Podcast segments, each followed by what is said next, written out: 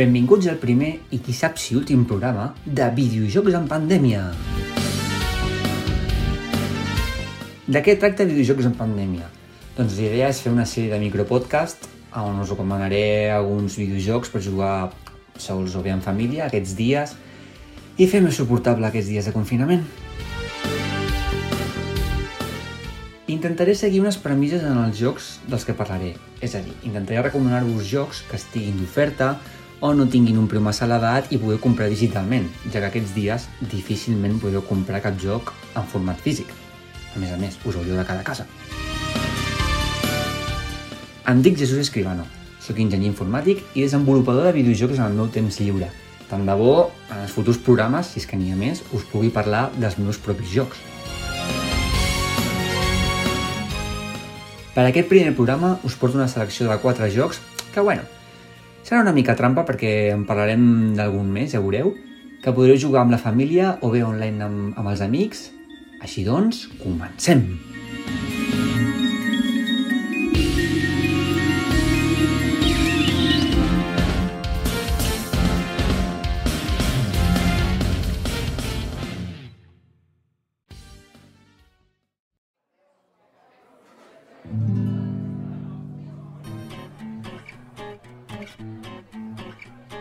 Bye.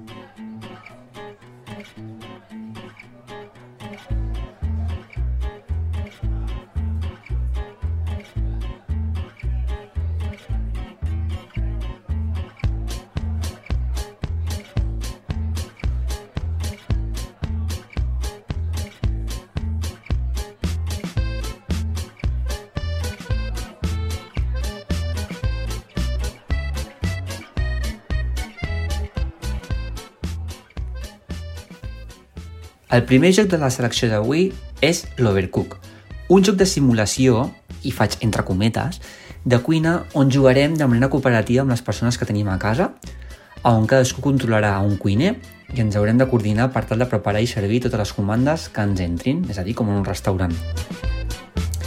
A cada fase prepararem un plat determinat amb diferents variacions. Us poso un exemple. A una fase determinada haurem de preparar hamburgueses, haureu d'agafar la carn, posar-la a la paella, agafar l'enciam i tallar-lo, agafar el pa, servir-ho tot, preparar-ho en un plat i entregar la comanda. Tot això alhora. Per tant, ens haurem de coordinar i, per exemple, vigilar que la carn no ens cremi, no es cremi i acabi la cuina en flames, rentar els plats, servir, etc. Si això sembla poc, a més l'escenari a vegades canvia de forma i ens haurem d'adaptar i canviar els rols. Potser explicat sona més complexa del que és, però us puc assegurar que és un joc molt divertit, amb una estètica molt simple i els controls són molt senzills.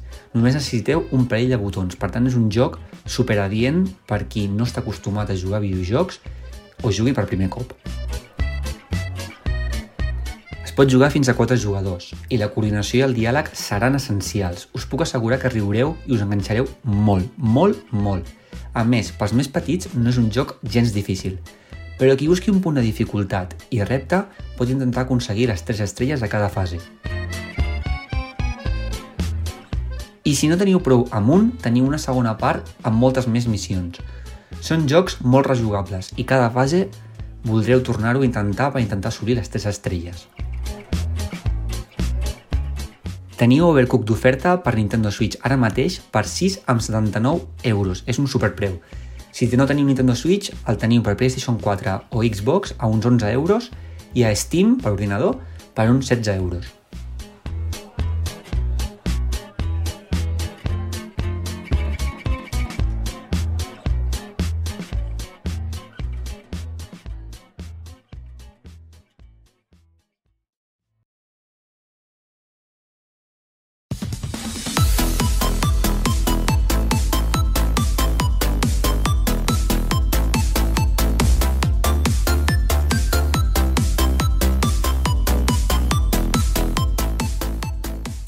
El següent joc, si no ho heu adivinat ja per la música que sona, és un exclusiu de Nintendo Switch i és el Tetris 99.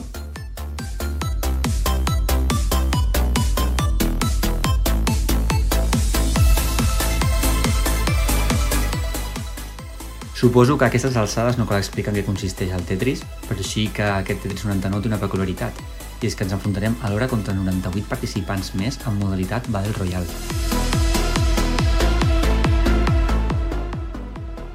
Què vol dir això de Battle Royale? Doncs bàsicament que juguem tots contra tots i al final només pot cada un.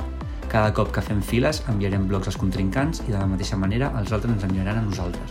A més tenim diferents estratègies que podem seguir. Què vull dir amb això de les estratègies? Durant la partida podrem seleccionar manualment o de manera automàtica a qui volem enviar-li les nostres files. Si, per exemple, algú decideix enviar-nos les seves files, nosaltres podem seleccionar un mode que és contraatac. Per tant, totes les nostres files li enviarem, li enviarem a aquesta persona. Tenim altres estratègies com, per exemple, KO, que és enviar-li les files de blocs a algú que estigui a punt de morir en la partida. Um, I si derrotem eh, jugadors, aconseguirem un sistema de medalles que ens, que ens ajudaran a multiplicar les files que enviem, molt important de cara al final de la partida.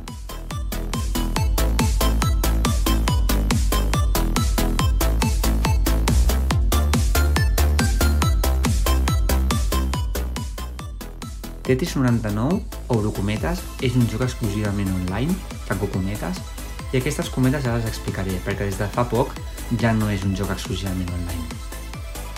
Com podem aconseguir Tetris 99? Doncs a través del sistema Nintendo Switch Online.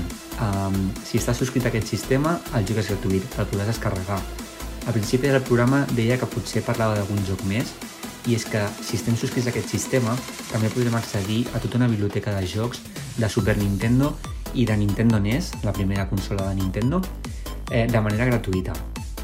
Què costa aquest sistema a Nintendo Switch Online? Doncs si només volem estar subscrits un mes, són 3,99 euros. Si volem estar subscrits 3 mesos, 7,99 i per 12 mesos, 19,99.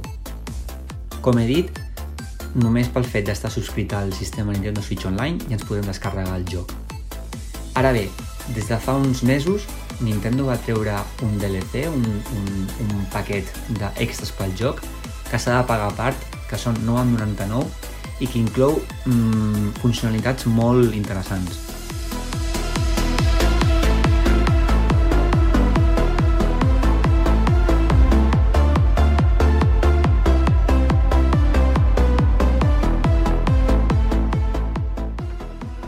Quines són aquestes funcionalitats? Doncs que, per exemple, podem jugar sols contra 98 rivals que controla la màquina, si no volem jugar online, Eh, té un sistema també de, que es diu Arena Local, en la que podem jugar fins, fins a 8 amics eh, físics a la mateixa consola, els uns contra els altres, per tant serà molt divertit. I un altre sistema que és Duelo CPU, en el que dos jugadors jugaran entre ells contra la consola també. Poc més que afegir sobre aquest joc, o sigui, si us agrada el Tetris de tota la vida, us puc assegurar que aquest Tetris 99, amb aquest sistema de Battle Royale, és increïblement divertit, és fàcil de jugar, no té massa misteri, eh, 100% recomanable, així que no us ho penseu.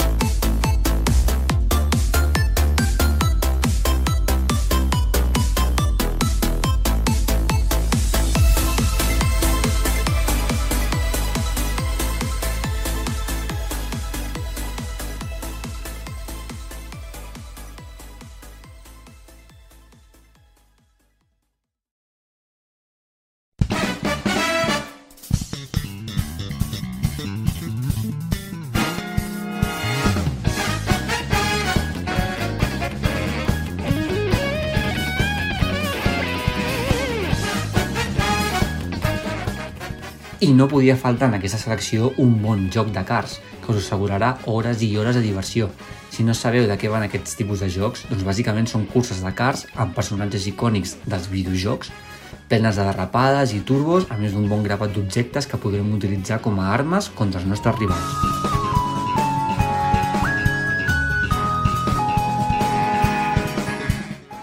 Us vull recomanar tres jocs de cars diferents per a que podeu escollir segons les vostres preferències o la consola que tingueu. El primer, com no podria ser de cap altra manera, és el Mario Kart 8 Deluxe per Nintendo Switch. Joc de cars amb els personatges de Nintendo. Sincerament, si teniu una Nintendo Switch, penso que és un joc que no pot faltar a les vostres biblioteques però també és el més car de la selecció, sincerament, de, dels tres que us porto, ja que ho podem trobar per uns 60 euros en format digital, que no és precisament barat.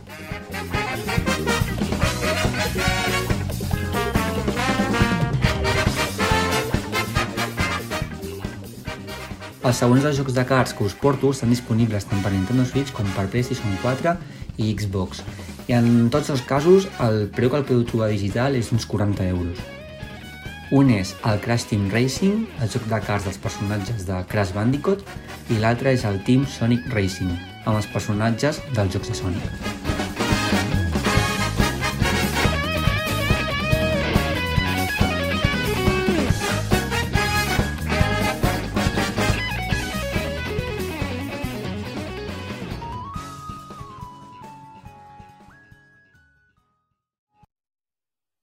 Come on, man.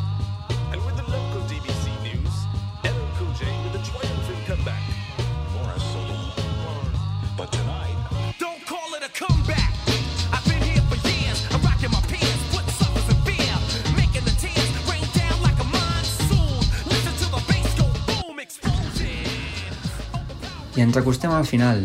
L'últim joc de la selecció d'avui és un joc gratuït per PlayStation 4, Xbox i ordinador, que va sortir fa molts pocs dies, i és el Call of Duty Warzone. De manera resumida, Warzone és un Battle Royale, concepte que ja us he explicat abans, i jugarem en aquest cas partides de 150 jugadors.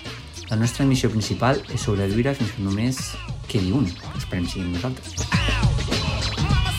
És un joc molt recomanable per jugar amb amics que no puguem veure aquests dies i passar una estona junts. No té component cooperatiu, és a dir, és 100% online. Podem fer equips de fins a 3 jugadors.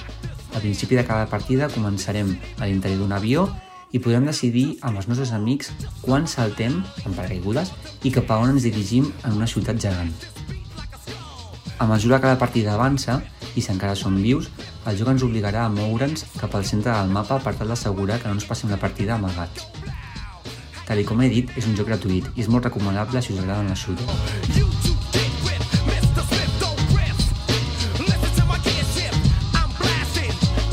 I ara sí, arribem al final del programa.